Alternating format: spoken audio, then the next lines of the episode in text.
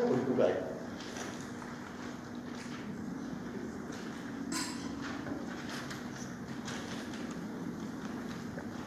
Oke, bacaan kita sesuai dengan hari ini dari surat mana? Ada yang ingat? Galatia pasal 2 di dalam perikop ayat 15 sampai yang ke 21. Cuma kita tidak akan baca semuanya dengan asumsi silakan setiap ibu sudah membaca kalau belum nanti di rumah baca. Galatia pasal 2 perikop ayat 15 sampai yang ke-21. Kita akan fokus satu ayat yang sangat terkenal sekali yaitu ayat 20 ya. Ayat 20 saya akan bacakan.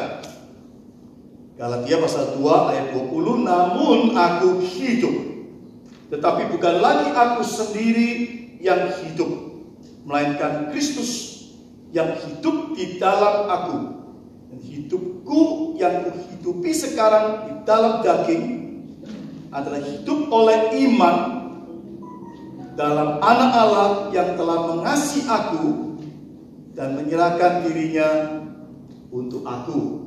Ada yang masih ingat menyanyikan lagu dari ayat ini? Yang tahu?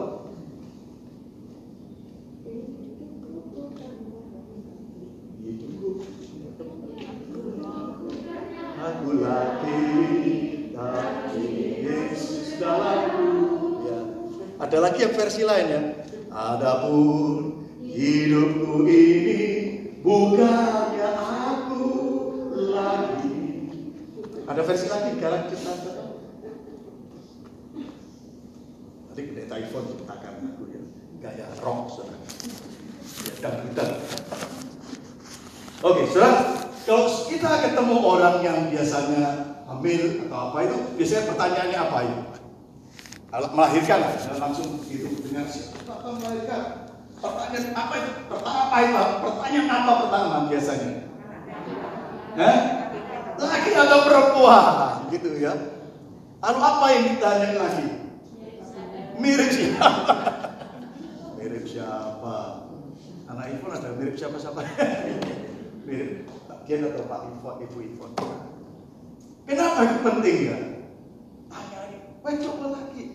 Lalu langsung warna ya, dengan warna nama, bukan langsung. Kenapa itu penting ya? Tanya laki, perempuan itu penting sekali. Itu inti pertama kali manusia itu laki atau perempuan. Artinya apa? Betapa artinya laki perempuan juga identitas. Identitas itu penting sekali. Kasih nama itu penting ya. Tahu langsung sejak bayi anak itu tekankan le itu le, kue itu wedok, kue itu lanang. Yo ingat yo, nangis dan itu. Jangan, nggak boleh nangis.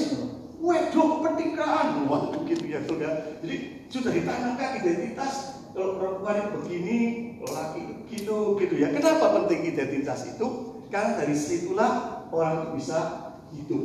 Kalau orang itu sudah identitasnya di, dikaburkan, maka akan bermasalah dalam hidupnya ya. So itu hati-hati ya, anak kecil itu identitasnya dikaburkan ya. Guyonan kadang-kadang. Iya, ini seperti anak yang tondong. Benar ya, kadang-kadang dengan cerita kita ya, ini yang memang pedet kok misalnya. Guyon-guyon, pendek, cebol, di apa julukan-julukan gitu. Kadang-kadang tidak sadar secara kejiwaan membuat seorang anak itu kehilangan identitas ya. Ada loh sampai orang itu frustasi karena mamanya tanpa sadar, iya ini anak tonggo ya. Jadi kalau dia merasa, iya ini bukan anak mama ya gitu, bermasalah ya. Itu banyak kasus sebenarnya yang terjadi ya. Nah, kalau kita perhatikan kitab Galatia itu sebenarnya kitab identitas karena kalau kita perhatikan diawali dengan pasal 2 khususnya kenapa Rasul Paulus sendiri sampai terjadi konflik dengan Rasul Petrus karena masalah identitas dan mengapa dari pasal 2 khususnya sampai pasal yang kelima empat khususnya mendalam sekali tentang masalah justification by faith pembenaran oleh iman kenapa ditekankan oh, kamu itu anak Tuhan. Bahkan ayat yang bagus sekali Roma Galatia 3:29 bahwa kita yang keturunan Abraham. Kamu adalah anak-anak Allah. Hidupku bukan aku lagi. Sebenarnya di dalam ayat yang ke-19 itu juga bahwa aku telah mati oleh hukum Taurat supaya aku hidup untuk Allah. Aku telah disalibkan dengan Kristus. Masalah identitas ya, kemudian ayat 20, aku hidup hidupku dan aku hidup dengan Kristus. Ditekankan. Kenapa? Karena orang mencari identitas banyak hal dan dalam konteks kita ini ada banyak orang, khususnya Petrus, meletakkan identitasnya lagi bukan pada Kristus, tapi tetap pada keyahudiannya.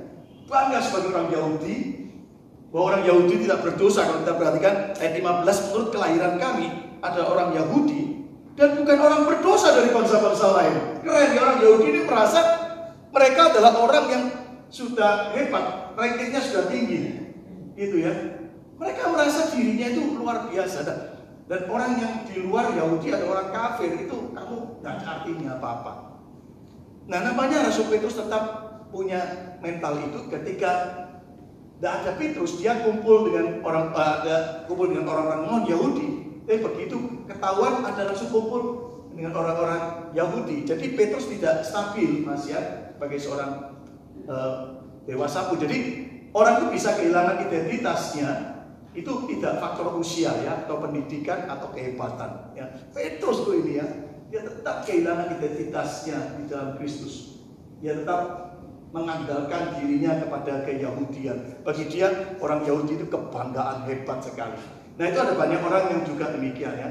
Orang meletakkan identitasnya kepada agamanya. Hari ini ramai di seluruh dunia. Ada Presiden Prancis yang membuat uh, apa membela orang yang dipantai karena membuat uh, konon uh, Nabi Muhammad itu dibuat karikatur lalu dipenggal dan banyak terjadi masalah. Yang membela agama, membela itu sebenarnya kita yang mengerti psikologi tertawa semuanya dan mengerti dan kasihan sekali bahwa itu menunjukkan orang-orang ini kehilangan identitas dan meletakkan identitasnya hanya kepada agamanya.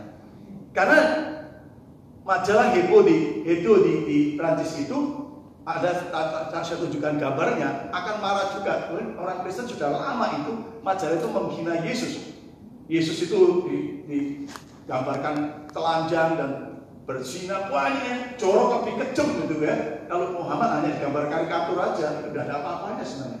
Itu majalah itu sejak dari dulu melecehkan kekristenan. Tapi bagi orang Kristen identitasnya bukan di situ. Tidak perlu dibela Yesus.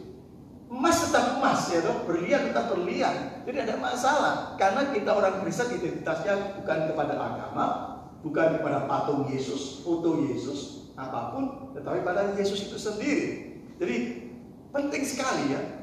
Mengapa penting? Banyak orang juga mengatakan identitasnya kepada status sosial. Misalnya, oh kayak hari ini banyak sekali ya sudah saya ungkapkan di beberapa khotbah ilustrasi anak-anak muda sekarang begitu ya. Bahkan kemarin saya buat di beberapa grup di, di, di kita kan, grup kreatif dan lainnya ada cewek-cewek yang di mall gitu ya, sudah ngomong, kamu ya, kalau kamu itu orang kaya itu mejanya di mall, mall yang baik, tapi yang kalau rendah itu di pinggiran gitu ya. Banyak. Banyak juga anak muda yang kamu temenan dengan aku kalau pakai iPhone X, iPhone 12. Kalau enggak, sorry ya, jangan bergaul. Jadi kadang-kadang tanpa sadar memang masyarakat kita sedang identitasnya kepada benda. Kalau pakai ini merasa dirinya keren ya. Loh saya ngomong gini, saya pun juga dulu gitu zaman SMA saya ya. Saya di Petra Surabaya pada tahun tahun, tahun 70-an. Itu saya anak kampung. Itu orang-orang Petra itu orang orang kaya. Jadi hari ini yang pusat besar masih teman saya dekat sekali ya. Wah, zaman saya itu sepatu kickers aku ya. Semua pakai kickers zaman dulu itu wah keren sekali. Teman saya beli aja dari Singapura waktu itu ya. Kickers tuh keren. Saya pakai sepatu shawl Lim, Lim Shaolong gitu ya, ya atau Bruce Lee, masih ingat ya, kamu pakai nggak? Eh, Cik Betty pakai dulu. Makanya dia sekarang kecilan terus itu. Bruce Lee ya bangga, nggak usah pakai kickers ya. Tapi saya waktu di sini berapa tahun lalu pakai kickers terus, balas dendam ya dulu nggak bisa beli kabel. Masih ingat ya, ya pakai kickers. Itu mau tidak mau naluri manusia itu begitu ya. Merasa kalau pakai ini itu tidak salah, tidak 100% salah. Itu termasuk normal, betul tidak? Tapi kalau tidak normal adalah justru tergila-gila situ. Kalau tidak pakai itu sampai cekot-cekot atau sampai malu dan terusnya. Ada orang identitasnya kepada e, gelar misalnya ya, gelar. Itu jelas hari ini uh, banyak sekali uh, terjadi ya. Saya didorong oleh teman-teman untuk saya menyelesaikan doktoral saya karena saya saya malas tidak saya lanjutkan karena saya tahu ngapain gitu ya. Tapi teman justru kamu harus begitu supaya kamu bisa berdiri di tengah-tengah orang-orang yang sedang bermasalah ini ya. Karena mau manusia melihat gelar. Itu masalahnya. Malah teman saya yang sahabat saya mendesak saya harus kamu supaya kamu bisa karena tetap manusia melihat itu. Kalau kamu tidak ada gelar, kamu tidak dianggap begitu.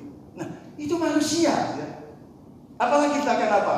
Kita sendiri sebagai orang tua, jujur aja. Kadang-kadang identitas kita, kesuksesan kita diletakkan pada anak kita, ya loh. Anaknya kalau ranking, merasa bangga. Anaknya, wah sampai ranking-rankingkan gitu ya. Loh. Nyogok pun banyak terjadi ya. Jangan khawatir, bukan orang Semarang, orang negara sana ini. Itu begitu. Loh ini saya ngomong, saya kalah tajik saya dulu aja aja gitu ya. Ono ngono sih ngono, tentang duit Wah ini Buang gak deh, gak deh.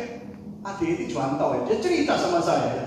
Wah dia bilang, wah terus terus shock lah jadi. Wah itu saya, saya langsung tegur ya ya. Kasihan anaknya kan ya, karena karena waktu itu memang generasi itu semuanya lagi seakan anaknya kalau tidak masuk ranking itu piye gitu ya. Kadang-kadang kita jujur aja banyak hal di dalam kehidupan ini yang membuat identitas kita. Nah, kita harus evaluasi diri. Iya, identitas itu di mana ya? Uh, penting sekali kita menyadari itu. Coba tidak, maka orang yang sudah ngerti identitasnya itu tidak bisa mengasihi diri sendiri dan dia itu akan bermasalah.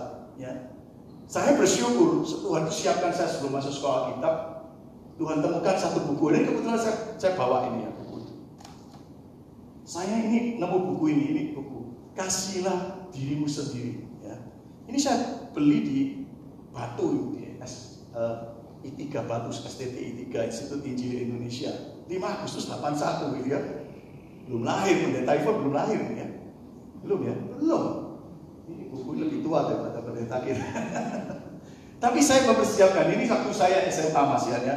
Saya disiapkan Tuhan, saya menemukan buku ini, saya menemukan identitas saya dari baca buku yang sederhana ini. Kasihlah dirimu sendiri. Karena di gereja kadang-kadang kita tidak boleh mengasihi diri sendiri. Tapi konsepnya agak keliru ya. Karena firman Tuhan sendiri kasihlah dirimu. Karena kalau kamu tidak bisa mengasihi dirimu sendiri, kamu tidak mungkin bisa mengasihi orang lain.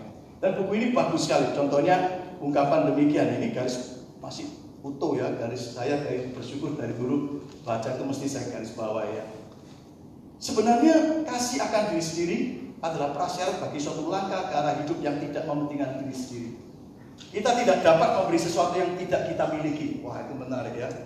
Hanya jika kita telah menerima diri kita sendiri, maka kita benar-benar dapat hidup dengan tidak mementingkan diri sendiri dan bebas dari diri kita sendiri. Ini identitasnya. Nah kalimat ini luar biasa. Sejak tahun 81 Roh Kudus pakai untuk merubah hidup saya. Ya ada banyak nasihat. Karena di buku ini juga kan bahaya sekali. Orang depresi itu adalah akibat dari orang tidak punya identitas. dan tidak mengasihi dirinya sendiri. Nah unik sekali bacaan kita ini juga tentang identitas. Mengapa harus Paulus berkata, Adapun aku hidup bukan hidupku sendiri. Artinya aku mengerti identitasku dan aku mengasihi diriku sendiri. Dan aku kehidupanku ini karena aku dikasih Tuhan katanya. Luar biasa sekali. So itu pada sore hari ini setiap kita sebagai ibu-ibu, wanita dan setiap kita tanpa kecuali untuk kembali mengevaluasi, iya ya, identitas itu di mana. Dan panggilan sore hari ini adalah supaya kita cultivating, mengelola identitas kita yang benar di dalam Kristus. Identitas kita yang benar di dalam Kristus. Tidak salah itu diceritakan di rumah kita, status kita, anak kita, apa pun tidak salah. Tapi kalau fokus pada terus maka kita akan tidak bisa bertumbuh di dalam Tuhan. Ya. Kita harus mengalahkan semua yang demikian godaan-godaan itu dan kita harus menang untuk mengerti identitas kita di dalam Kristus. Sehingga kita seperti Rasul Paulus berkata, adapun aku hidup Hidupku yang aku hidup ini bukan hidupku sendiri melainkan Kristus yang hidup dalam aku dan aku hidup sekali dalam daging. Pengertian daging itu mendalam sekali dalam teologi ya. Sharks itu artinya keinginan-keinginan, nafsu, dorongan-dorongan tetap ada. Tetap ada, tetapi diarahkan kepada iman kepada Yesus. Dalam Yesus dan sebenarnya bahasa sederhananya di dalam Yesus sendiri berkata yang diungkapkan dalam buku ini kasihlah dirimu sendiri milikilah identitasmu yang benar di dalamku sebagai Yesus Yesus berkata di dalam Kristus maka engkau akan menikmati hidup ini. Nah setelah kita mengerti kalau orang nggak punya identitas dia akan kacau ya. Dia akan merasa self righteous dirinya paling benar ya. Itu contoh di dalam Galatia pasal 2 ini Rasul Petrus kehilangan identitas. Orang yang kehilangan identitas dia hanya mencari sesuatu yang dia anggap dirinya benar. Sehingga waktu ditegur dia marah sekali. Nah ini evaluasi diri ya. Ketika seseorang itu identitasnya salah pada satu hal, misalnya ya identitasnya kepada jabatannya, maka begitu dia disinggung jabatannya atau tidak ada jabatan, dia akan marah, gitu ya. Jadi itu di situ, ya. Nah, yang kedua adalah orang yang identitasnya kabur atau tidak di dalam Kristus itu biasanya juga dia akan mencari orang-orang yang sama dengan dia. Ya. Orang yang sama, Petrus pun juga mencari kelompok-kelompok yang sama orang ateisme bisa mendukung dirinya dan bahasa bahasa anak muda itu membentuk geng, ya, membentuk geng, untuk gengnya sendiri untuk mendukung dia, untuk menguatkan dia. Dan dia merasa inilah yang menjadi bagian dari kehidupannya. Alami ya dulu waktu remaja masih gitu ya walaupun saya pakai cewek-cewek juga begitu punya geng ya luar biasa saya dia mau kadang-kadang kumpul ponak-ponakan baik dari famili lain itu teman-teman saya cerita oh di Jakarta itu kan cewek-cewek geng ini lebih ngeri ya di sekolah-sekolah eh, mahal itu gengnya cewek justru yang menguasai sekolah-sekolah internasional atau sekolah-sekolah yang bergengsi di Jakarta ya, dan di Surabaya ya. Wah saya dengar itu ngeri ya. Justru cewek-cewek lebih tanda kutip katanya lebih sadis kalau membuli temannya ya. Pukul di jabat, tenda, waduh banyak hal. Geng itu itu dia orang lagi mencari identitas ya. Nah itu orang yang lemah identitasnya biasanya begitu. Nah, jangan kaget di masyarakat orang-orang tertentu, kelompok-kelompok itu yang begitu ya, cepat tersinggung, marah, berontak sedikit-sedikit, ngaco, berontak. Itu sebenarnya mereka perlu dikasihani karena mereka sedang kehilangan identitas, tidak, tidak lemah dengan dirinya sendiri, dia tidak tahu. Sehingga dia begitu mudah ditipu dan menipu, ya. Dan itu jelas dalam kehidupan ini terjadi. Nah, itu pada sore hari kita perlu betul-betul mengerti firman Tuhan. Kalau begitu seperti Rasul Paulus, sehingga kita punya identitas di dalam Kristus. Bagaimana mengerti identitas dalam Kristus? Dikatakan, aku hidup tetapi bukan lagi aku sendiri. Diawali dengan ayat 19. Sebab aku telah mati oleh hukum Taurat untuk hukum Taurat. Apa artinya di sini? Artinya hukum Taurat itu kan hukum keagamaan, taat ini, ini, semuanya ya, ya sudah mati. Artinya dia Tak mungkin aku bisa melakukan. Maka di dalam Kristus, Kristus sudah melakukan itu, maka aku seakan-akan nunut atas nama Yesus. Semua sudah dilakukan. Yang mengakui dirinya tidak mampu. Saya dikatakan, sebab aku menyatakan diri, uh, maafkan, supaya aku hidup untuk Allah. Aku telah disalibkan dengan Kristus. Jadi Aku sekarang hukum Taurat semuanya agama itu sudah terpenuhi aku sudah karena Kristus. Sudah Kristus. Itu berarti Paulus menerima dirinya sendiri dan melihat Kristus sudah menerima dirinya. Ya. Aku disalibkan dengan Kristus. Segala dosanya, segala kesalahannya dia sadar, keturunannya tidak ada artinya. Mau bangga, Bangga keturunan Yahudi, bahkan kalau kita baca kitab Filipi, dia menunjukkan siapa identitasnya secara uh, jasmani hebat sekali. Keturunan Benyamin katanya. Orang pinter, ya orang hebat sekali. Dia bisa punya surat, surat untuk membantai orang tanpa halangan. Wah orang hebat sekali. Itu udah ada artinya, itu sudah mati semua. artinya dia sudah mulai menerima dirinya sendiri. Yang pertama orang kalau saudara ingin mengalami identitas terimalah diri sendiri. Harus jujur dengan diri sendiri bahwa saya ada kelemahan, saya berdosa, saya harus datang kepada Kristus dan mengakui bahwa ya saya memang berdosa. Ada banyak hal orang bermasalah itu kalau tidak bisa menerima dirinya sendiri. Dia akan menyalahkan orang lain. Ah itulah orang lain lah yang salah. Ah, saya tidak diberi kesempatan. Saya banyak hal. Tapi orang sudah menerima diri sendiri. Dia tahu, ya memang aku yang salah. Aku yang tidak benar. Tidak ada sesuatu yang gak banggakan. Semua itu karena Kristus. Maka dia akan menikmati hidup ini. Di dalam diri kita itu mau tidak mau di dalam psikologi namanya ada life trap ya jebakan hidup setiap kita termasuk saya sampai hari ini proses pelan-pelan di, dihancurkan oleh Tuhan.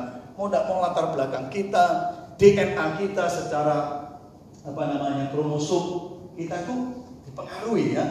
Saya belum menyelesaikan buku sejak sudah 4 bulan buku ini saya beli, saya belum selesai ya. Bukunya tebal 1000 halaman lebih namanya Gen ya, Gen kalau mau ada di rumah ya.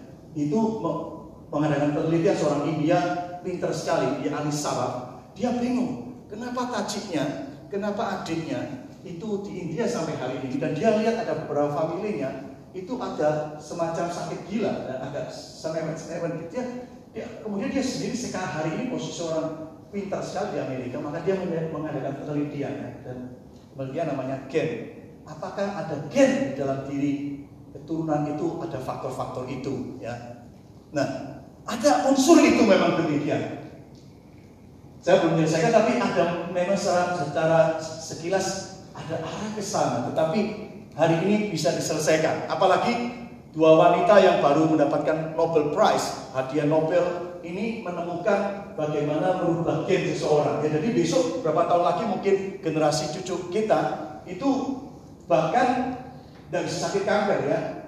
Bahkan mau kepingin model anak, model B, bisa seperti Superman, Spiderman, bisa. Itu sungguh, ini, ini baca baik-baik di artikel dua wanita yang mendapatkan hadiah Nobel itu menemukan itu ngeri satu sisi ngeri ya, wih nggak bisa. Bisa ya keturunan di bawah kita ini ngeri. Bisa di otak atik ya gen manusia itu mau model apa gitu ya, wah itu, nah itu kita dipengaruhi, tidak mau ada kemarahan, ada sifat-sifat tertentu. Nah, setiap kita datang kepada Kristus, saya sendiri bertahun-tahun mempelajari ini dan menemukan me, apa mulai itu saya menemukan satu buku bagus sekali namanya uh, Healthy Emotional Pastor ya. Pendeta yang punya kesehatan uh, emosi yang sehat. Itu sekitar 10 tahun lalu. Itu saya buku mempelajari itu ya. Iya ternyata harus di harus dilihat itu namanya ada skema. Kalau tidak salah Buffett pernah itu berapa tahun lalu datang ke sini memberi itu ya. Masih ingat ya. Bahwa ada keturunan yang harus dipatahkan gitu ya. Nah, itu harus diakui, oh ya, memang keturunan papa saya begini, memang saya. Nah, itu harus kita bukan model gaya maafkan, bukan gaya model karismatik, tengking damai sesuatu, bukan itu. Walaupun itu perlu, saya mengaminkan itu. Tapi lebih penting adalah mengakui dengan jujur, ya betul. Bahasa kita sudah setiap kita sudah berdosa. Keturunan kita, nenek moyang kita orang berdosa, keturunan orang yang antik dan banyak hal kita harus akui dan kita harus datang kepada Tuhan. So, jika tidak, saudara tidak akan bisa menerima keadaan orang lain. Kalau kita mau jujur, kita sudah menikah semua. Seringkali kita konflik suami istri, kalau tidak salah, itu juga faktor-faktor. Ya, keturunan kita dengan istri kita, suami kita itu ada faktor gaya hidup. Saya kan, istri saya aja masih konflik. Sering, kalau Anda ada pernah ya, sudah bagus semua ya. Bayangkan saya dengan istri saya ini sudah kenal sejak bayi sudah. Sejak bayi sudah. Saya sering nurut mobil papa itu kecil. Jadi waktu SMP kami sama ya. Ya paling alim saya paling berandal di kelasnya. Itu. Satu ras yang sama, orang kungfu. Keluarga, wah karena keluarga kami ini hampir plak sudah ada bedanya. Tapi tetap ada perbedaan kultur, ya, beda kultur, ya dia hidup di satu rumah yang besar seperti gereja ini karena perusahaan truk itu ya keluarga besarnya ada truk curah bayangkan sak lapangan gitu Dan berapa keluarga tinggal di sana itu kayak orang lama kan? Saya tinggal di keluarga yang di kampung, kota kecil ya. Jadi kalau keluarganya dia panggil, Laifong! Gitu, satu kampung dengar karena orang kungfu ya. Teriak-teriak. Bahkan terkenal kalau dia itu dulu di Aletea dulu begitu. Di Aletea itu dulu kan modelnya e, masih menangis saya itu teleponnya masih diputar, masih nikmati enggak? Teleponnya gitu ya Nah, kalau dia terima telepon dari Taiwan pokoknya itu ya, itu kan tahu. Wah, dia teriak-teriak gitu ya ngomongnya. Itu budaya, itu bukan sesuatu yang salah. Kebiasaan-kebiasaan di rumah, mungkin dengan suami Anda, Maksud itu kalau konflik harus melihat itu, harus segera mengampuni dia. Nah bahaya sekali kalau saudara tidak bisa terima identitas diri saudara dan identitas dari suami atau siapa pun, saudara tidak akan bisa mengampuni. Ketika saudara mulai diterima, iya, aku diterima oleh Tuhan Yesus dari latar belakang ini. Suamiku, orang lain, mertuaku, itu juga dia sudah diterima. Kalau saudara mengerti ini, maka saudara aneh bisa menerima beradaan orang lain. Betul tidak? Ya. Ketika saudara bisa menerima itu diri sendiri, tidak akan mungkin bisa. Jadi kebenaran buku ini terjamin ya. Jadi betul sekali. Ada banyak nasihat bagus sekali buku ini ya. Bagaimana mengasihi diri sendiri yaitu Kristus sudah mengasihi. Mengapa dikatakan yang mengasihi aku dan menyerahkan dirinya untuk aku, yang menerima aku adanya. Ini dari segala kesembuhan terjadi ketika acceptance di dalam di dalam ilmu jiwa ya, penerimaan. Orang itu paling kalau diterima itu paling nyaman. Ya. Seperti kalau dalam konseling itu kalau saudara mau nasihati orang, terimalah orang tua adanya di ya. Suami saudara, istri atau anak itu kalau berusaha terima, jangan tiba-tiba disikat dihabisin gitu ya. Itu kebiasaan kita. Tapi Kristus menerima kita dengan apa adanya, tanpa syarat. Jadi ketika kita mengerti itu maka kita ya sudahlah, kalau ngaku aja jadi terima Kristus maka aku juga bisa mulai mengampuni.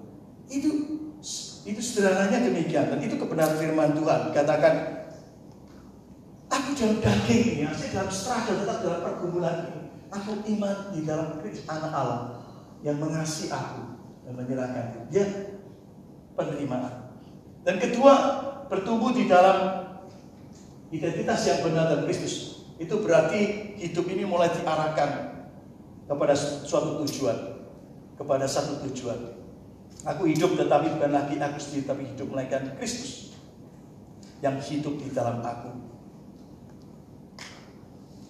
Kristus yang hidup di dalam aku itu lebih dijelaskan di ayat 19 dengan bahasa lain supaya aku hidup untuk Allah. Karena memang Kristus itu hidup untuk apa? Yesus berkata aku datang untuk diriku sendiri. Aku datang untuk melakukan kehendak Bapa. Filipi pasal 2, Yohanes, Matius, Markus.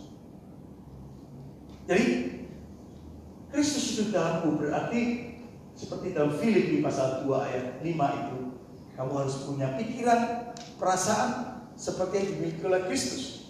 Ada tujuan. Dan tujuan utama adalah memuliakan Allah. Bagaimana hidup mencari kehendak Allah. Jadi kalau saudara tahu identitas saudara dalam Kristus itu berarti mulai berpikir senantiasa hidup ini harus tujuannya menyenangkan Allah. Tema minggu lalu ya, khotbah minggu lalu banyak masalah menyenangkan melakukan kehendak Bapa. Itu orang yang mengerti. So itu di dalam kehidupannya mulai bertanya, iya ya. Artinya Kristus dalam hidupku berarti aku sudah dalam yang utama adalah apa pertanyaan paling utama adalah apakah ini kehendak Bapa? Hidup untuk Allah. Apakah ini menyenangkan Bapa?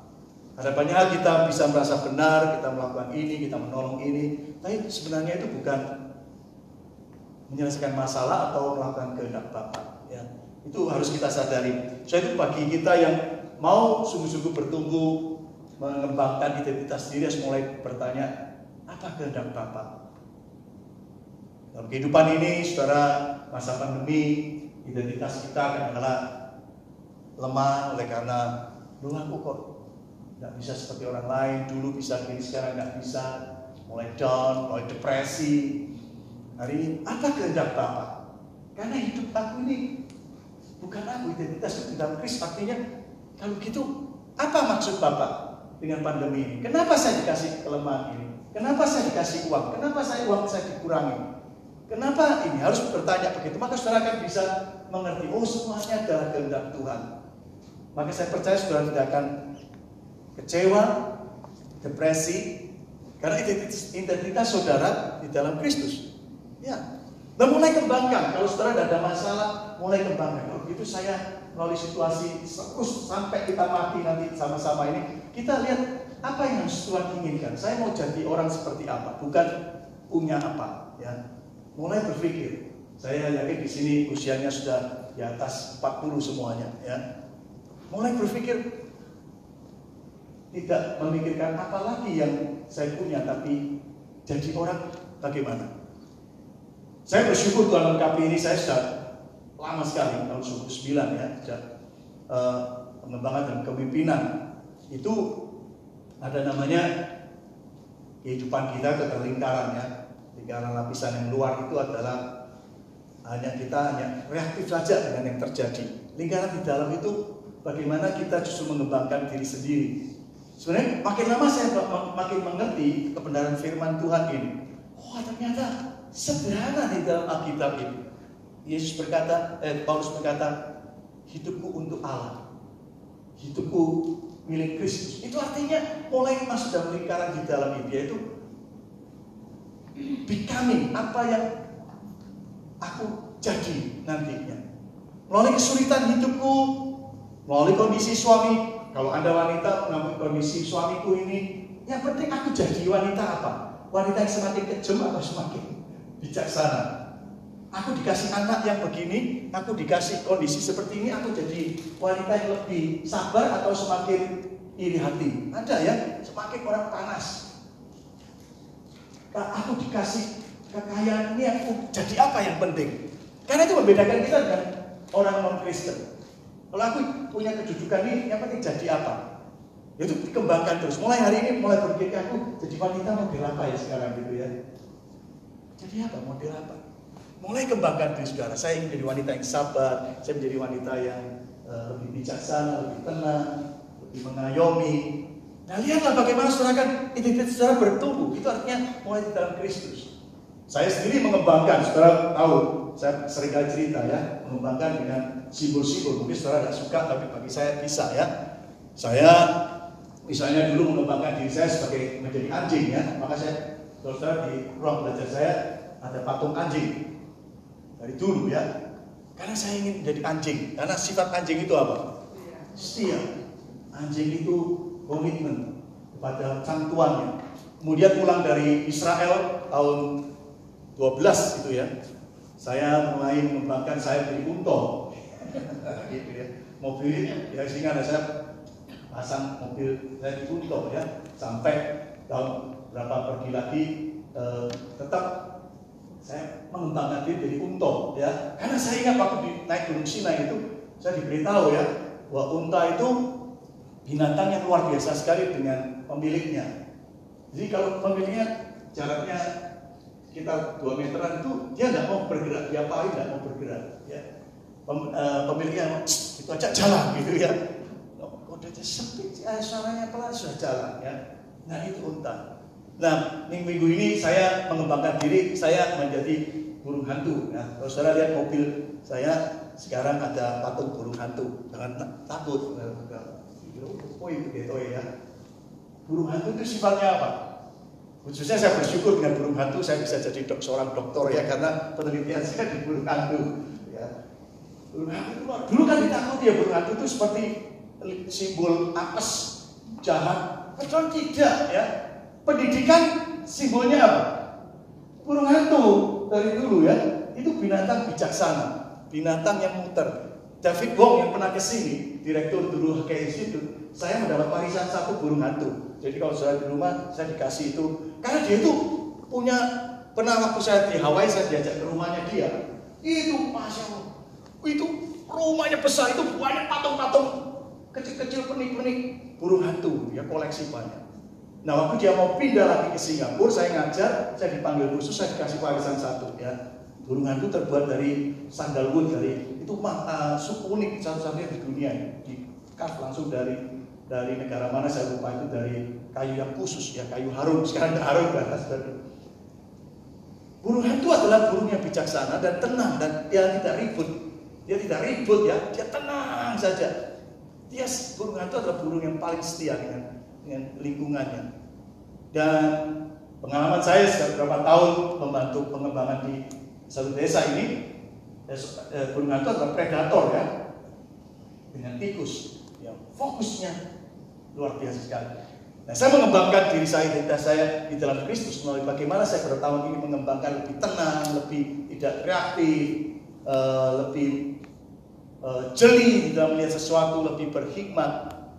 Itu penting ya. Saudara bisa mengembangkan diri saudara sendiri ya dengan cara-cara ya yang Tuhan saya ingin mengembangkan diriku identitas di dalammu ya Tuhan.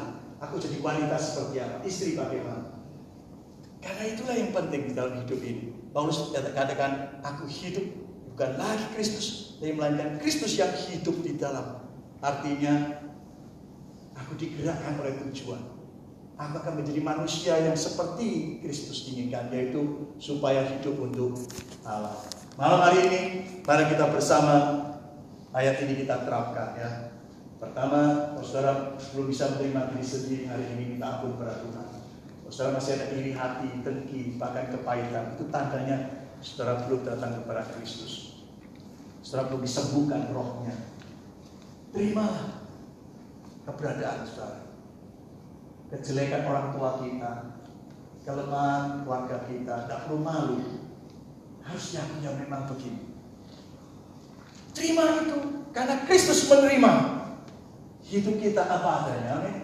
Kristus mengampuni orang tua kita, Kristus mengampuni famili kita, Kristus mengampuni geng kita, semuanya diampuni dalam Kristus. Oleh salib, aku sudah mati, kata. Tidak perlu itu lagi, sekarang aku hidup untuk Kristus. Dan kedua, biarlah saudara mengembangkan diri hari ini. Ya, ya saya mulai cultivating, mengelola hidupku, karakterku. Baik ada maupun tidak ada. Baik yang aku inginkan, yang belum aku inginkan, semua aku kelola hari ini dikelola dengan baik. Hidup kita pribadi rumah tangga kita orang lain dikelola dengan baik. Maka semuanya bisa bertumbuh untuk memuliakan nama Tuhan. Amin. Mari kita tenangkan diri kita masuk di dalam Tuhan.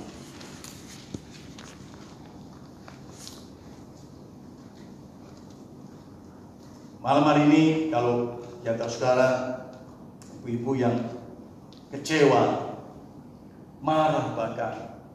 Bahkan ada kepahitan pada masa muda diperlakukan tidak adil atau bahkan hari ini tidak perlakukan tidak enak dengan siapa pun juga datang kepada Kristus. Katakan Tuhan, aku serahkan hidupku karena aku hidup bukan diriku sendiri tapi Kristus. Kristus sudah menerima apa adanya. Dan juga ambil waktu sedikit berdoa kalau ada setelah tahu orang lain, bahkan suami sendiri, anak sendiri, mertua sendiri, family, siapa pun yang sudah tahu membutuhkan Kristus doakan.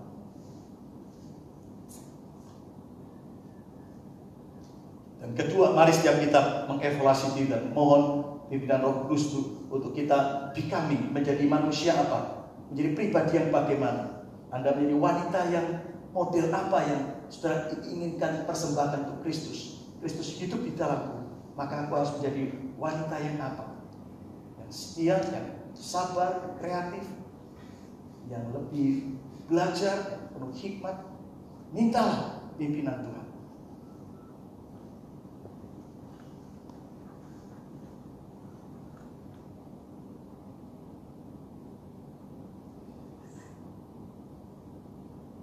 Malam, pada petang hari ini kami semua datang kepadamu ya Kristus. Terima kasih untuk keselamatan di atas kayu salib dan di antara kami kau pulihkan dari segala sesuatu yang e, merusakkan identitas atau identitas yang salah sehingga kami minder, iri hati, dengki, sombongan Tuhan cabut oleh karena nama Tuhan Yesus. Dan biarlah kau ganti dengan sukacita, damai, pengampunan dan pemulihan daripada Tuhan.